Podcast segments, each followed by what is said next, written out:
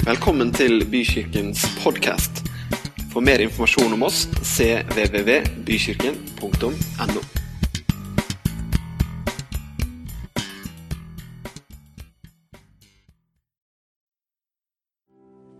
La oss be sammen. Herre, vi takker deg for at vi kan få prise ditt navn og løfte ditt navn høyt opp, Herre. Du er majestet. Du er den store, den sterke, den mektige som vi kan ta vår tilflukt til.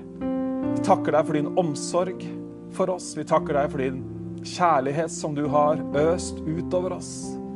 Takk at du vil snakke til oss, du vil lede oss, du vil føre oss framover.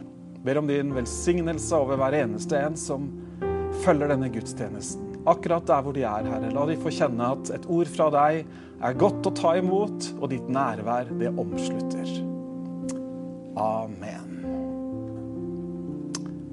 Tusen takk skal dere ha, Kenneth og, og Mari. Ja, dere, da skal vi eh, dele Guds ord sammen. Og hvis du har en bibel på telefonen eller i bokhylla, så er du selvfølgelig veldig velkommen til å eh, lese sammen med oss. Jeg har lyst til å dele noen tanker i dag som handler eh, om omstendigheter.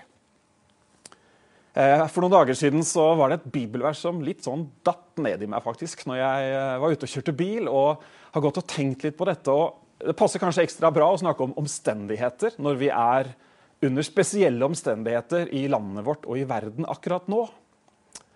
Omstendigheter handler om de tingene som står rundt oss. Og vi lever alle livene våre i lys av omstendighetene. De tingene som kaster sitt lys, som påvirker oss på ulike måter. Veldig mange har helt andre omstendigheter nå enn det de hadde bare for et år siden. Kanskje er arbeidssituasjonen endra seg. Den sosiale dimensjonen i livet har definitivt endra seg. Bare her nå en søndag så sitter vi og sender direkte istedenfor å møtes ansikt til ansikt. En pandemi herjer, og vi har vært gjennom et presidentvalg vi aldri har sett maken til. Ikke bare de store omstendighetene, men også de små omstendighetene preger livene våre kanskje til og med enda mer kraftig. Relasjoner som knirker litt, eller som knirker veldig. Helse, symptomer, sykdom, omstendighetene, det som står rundt oss, preger oss. Vi skal lese dagens tekst, som handler nettopp om omstendigheter, og som handler om en holdning midt oppi omstendighetene. Selv om fikentreet ikke blomstrer, blomstrer, og det ikke blir frukt på vintreet, selv om frukten svikter på oliventreet og markene ikke gir noe føde, selv om husdyrene er utryddet og det ikke er noe storfe på båsene, så vil jeg likevel glede meg i Herren. Jeg vil glede meg i min frelses Gud. Herren Gud, du er min styrke. Han gir meg føtter som dådyr. De kommer seg fram i ulendt terreng. Han lar meg komme fram på høydene. Du vet, Nå er dette skrevet ca. 600 år før Kristi fødsel. Så her er det snakk om storfe på båsen og oliventrær som ikke gir frukt. Men kanskje vi kunne hatt vår versjon av de samme versene og sagt selv om jeg ikke lenger vet om jeg har en jobb, selv om jeg ikke lenger kan treffe besteforeldrene mine, selv om jeg ikke, selv om jeg ikke, osv. Mange omstendigheter preger hverdagen vår veldig kraftig. Han som skrev dette, eller kanskje han sang det, det er vi ikke helt sikre på, men han levde da lenge før Kristus. Ca. 600 år før. Og han levde under utrolig vanskelige omstendigheter. Situasjonen var den at Juda, som var landet han bodde i, hadde vært på høyden, men var definitivt ikke på høyden. Det var prega av indre uro, det var konflikter, det var umoral det eh, lov, eh, juridiske systemet hadde klappa sammen. Og ikke bare i Juda, men også rundt Juda så var det kriger, det var konflikter. Og denne her mannen han sier, 'Hvorfor, Gud? Hvorfor lar du mine øyne få se dette her? Hvorfor får jeg oppleve dette her?' Det er jo helt vanvittig hva som skjer. Hvorfor, Gud? Han stiller spørsmål. Hva driver du med, Gud? Hvorfor kommer ikke du og gjør noe? Hvorfor tar du det ikke bare bort? Hvor lenge skal det egentlig være sånn som det er akkurat nå? Han tviler ikke på at Gud finnes, for da hadde han jo ikke snakka til ham. Han stiller jo spørsmålet nettopp til Gud. Han avskriver ikke Gud fordi han ikke skjønner hva som skjer i situasjonen, men han stiller spørsmål. Hvorfor? Jeg tror at spørsmålet 'hvorfor' er et spørsmål vi kan stille, vi bør stille, og vi faktisk skal stille. For den som ikke tror på Gud, så gir det jo ingen mening å stille Gud spørsmål 'hvorfor er det sånn'? Men for den som tror, så finnes det ultimate svaret hos Gud. Nettopp derfor kan vi stille spørsmålet til Gud. Og så gjør han noe som det virkelig er verdt å merke seg. Han er rett og slett et eksempel til etterfølgelse.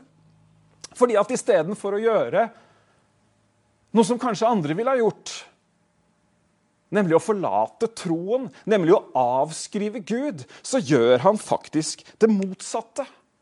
Han tenker ikke at ok, Gud, nå passer ikke ditt handlemønster inn i mitt rasjonale. Nå funker ikke måten du oppfører deg på, med hvordan jeg mener at det burde ha vært. Så derfor så vender jeg deg ryggen. Så gjør han her, profeten. Han gjør faktisk det helt motsatte. I kapittel 2 så sier han, 'Jeg, Habakuk, vil stå som en vakt og passe på.' Jeg vil holde utkikk og vente på å høre hva han vil tale til meg. Jeg venter på svar og irettesettelse. Da svarte Herren meg og sa. For en innstilling! Han skjønner at Gud er Gud, og svaret finnes hos Gud. Så istedenfor å bevege seg fra Gud, så beveger han seg mot Gud. Og så sier han, 'Gud, her står jeg, her sitter jeg, Gud, og jeg har spurt deg, og jeg har tenkt å være lydhør, jeg har tenkt å følge med, jeg har tenkt å holde fokus på deg, for hos deg så finnes det et svar.' Han er til og med litt åpen for at det kan komme en viss irettesettelse. Det er en holdning som er ganske så interessant. Det er ikke akkurat korreksene vi søker sånn til vanlig. Hadde du gjort det på den måten? Hadde du tenkt at ok, nå har jeg noen store spørsmål, og jeg må søke svar, jeg må finne helt inn, fordi at omstendighetene nå, de går ikke helt opp. Det fantastiske er jo at Gud svarer. Gud kommer med et svar. Nå får ikke vi vite gjennom denne profetboken akkurat hvor lang tid det er mellom når han sier du må si noe til meg, Gud, og til Gud svarer, men i hvert fall sånn det er gjengitt, så ser det ut som det skjer ganske rett etterpå. Herren svarte meg og sa. Det begynner en sånn utrolig livsreise for profeten nå. Gud svarer noe som gjør at han her fyren han ender opp med det vi leste i stad, nemlig at selv om det, selv om det, selv om alt svikter, Gud, så vil jeg prise deg, du er min styrke, du er den som leder meg fram.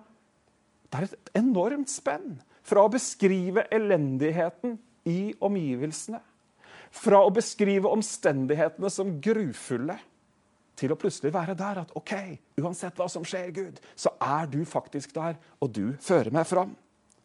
Hva er det som skjer på veien? Hva er det Gud sier? Hva er det han opplever som gjør at liksom han bare får en helt annen holdning fra å liksom gråte over situasjonen og stille de store spørsmålene, til å med senka skuldre kunne si 'Gud, du er min styrke'? Da svarte Herren meg og sa, 'Skriv ned synet jeg gir deg.' Skriv det tydelig inn på tavler, så det blir enkelt å forstå og fortelle videre. Synet gjelder en bestemt tid i framtiden. Det handler om de siste tider, og det er sant. Selv om det er lenge å vente, så vær tålmodig. For det skal sannelig skje. Det skal oppfylles. Budskapet vil ikke være til hjelp for dem som er selvgode og ikke oppriktige i sin sjel, for de vil ikke lytte til det. Men den som vil leve rett for Herren, skal lytte og leve fordi de tror på det. Blikket løftes. Profeten ser noe annet. Han ser det at det finnes noe jeg kan leve ut fra, som er større enn omstendighetene. Og Det som også er utrolig flott å se, er at han går ikke over en sånn virkelighetsflukt. og ja, nei, det er ingenting som skjer, og jeg, liksom, jeg hører til en eller annen sfære. Nei da, omstendighetene er de samme, men midt inni de omstendighetene som han står oppi, så kommer det noen andre facts på bordet. Det kommer noen andre ting som står rundt han i livet. Ikke som bare står rundt han, men som blir senter i livet hans. Nemlig at den som tror, skal leve ved sin tro. Gud, troen på Gud, gir styrke som gjør at han ender på et helt annet sted. Omstendighetene er de samme, men han styres ikke av dem. Omgivelsene er ikke forandra. Vi leser ingenting i denne historien om at og så gikk tallene motsatt retning, så snudde statistikken, og alt ble bra i Juda. Nei, på ingen måte. Tvert imot så er det faktisk et langt perspektiv. Gud sier det kommer noe. Det er lenge til. Vær tålmodig, men det er sant, og det kommer til å skje. Og den som hører det og lytter, skal leve ved det. Helt i slutten i denne profetboka, etter at han har hørt svaret til Gud, og det er et langt svar, du kan lese det sjøl i, i, eh, i Bibelen, så sier han OK, Gud, jeg har hørt budskapet.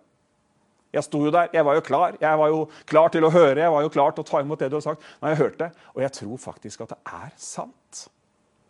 Det står i kapittel 3.: Herre, jeg har hørt ditt budskap, og jeg frykter.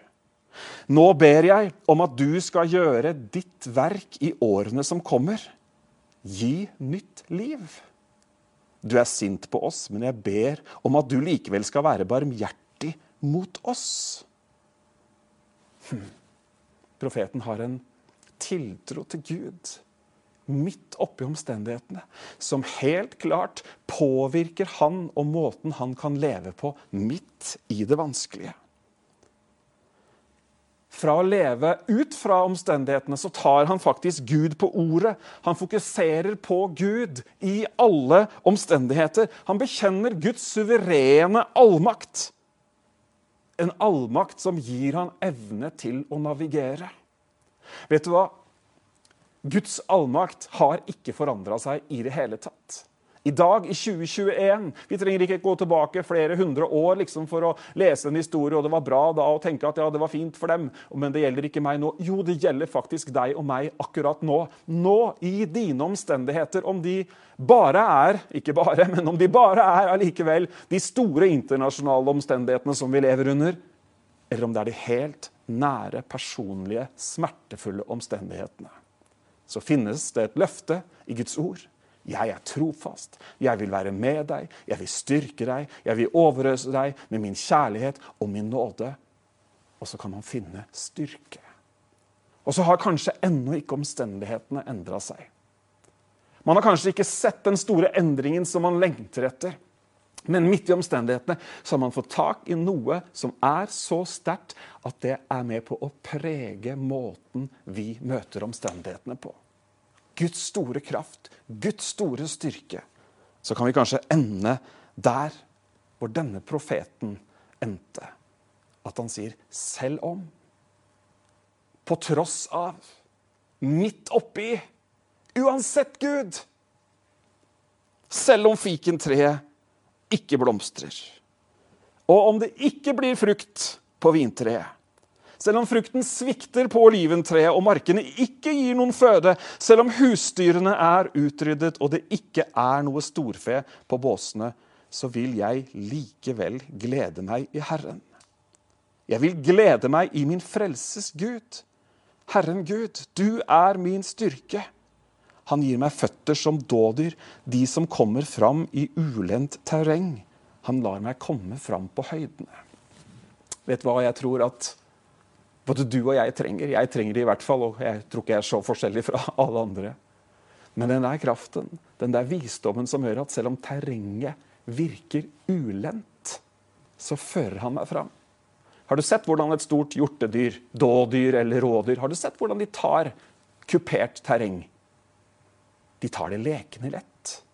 De fornekter ikke terrenget, men det er en styrke der, det er en kraft her som gjør at de bare bæres fram. Så ender de opp på høyden.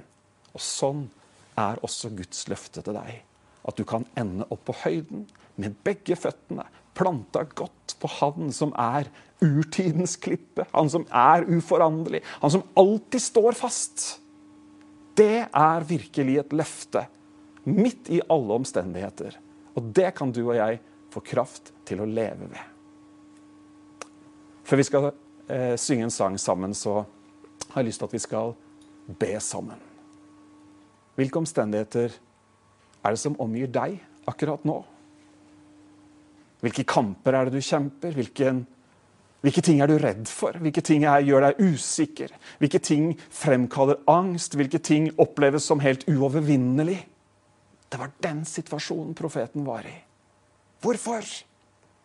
Og så får han et svar. La oss be sammen. Kjære Far i himmelen, vi takker deg for din omsorg.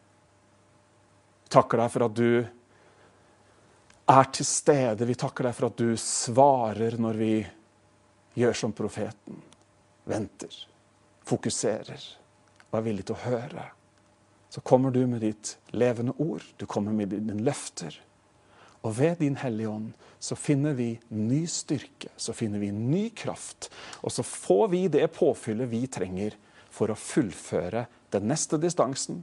Om det kanskje bare er neste dagen eller neste uka. Du vil føre oss fram på nye høyder. Amen.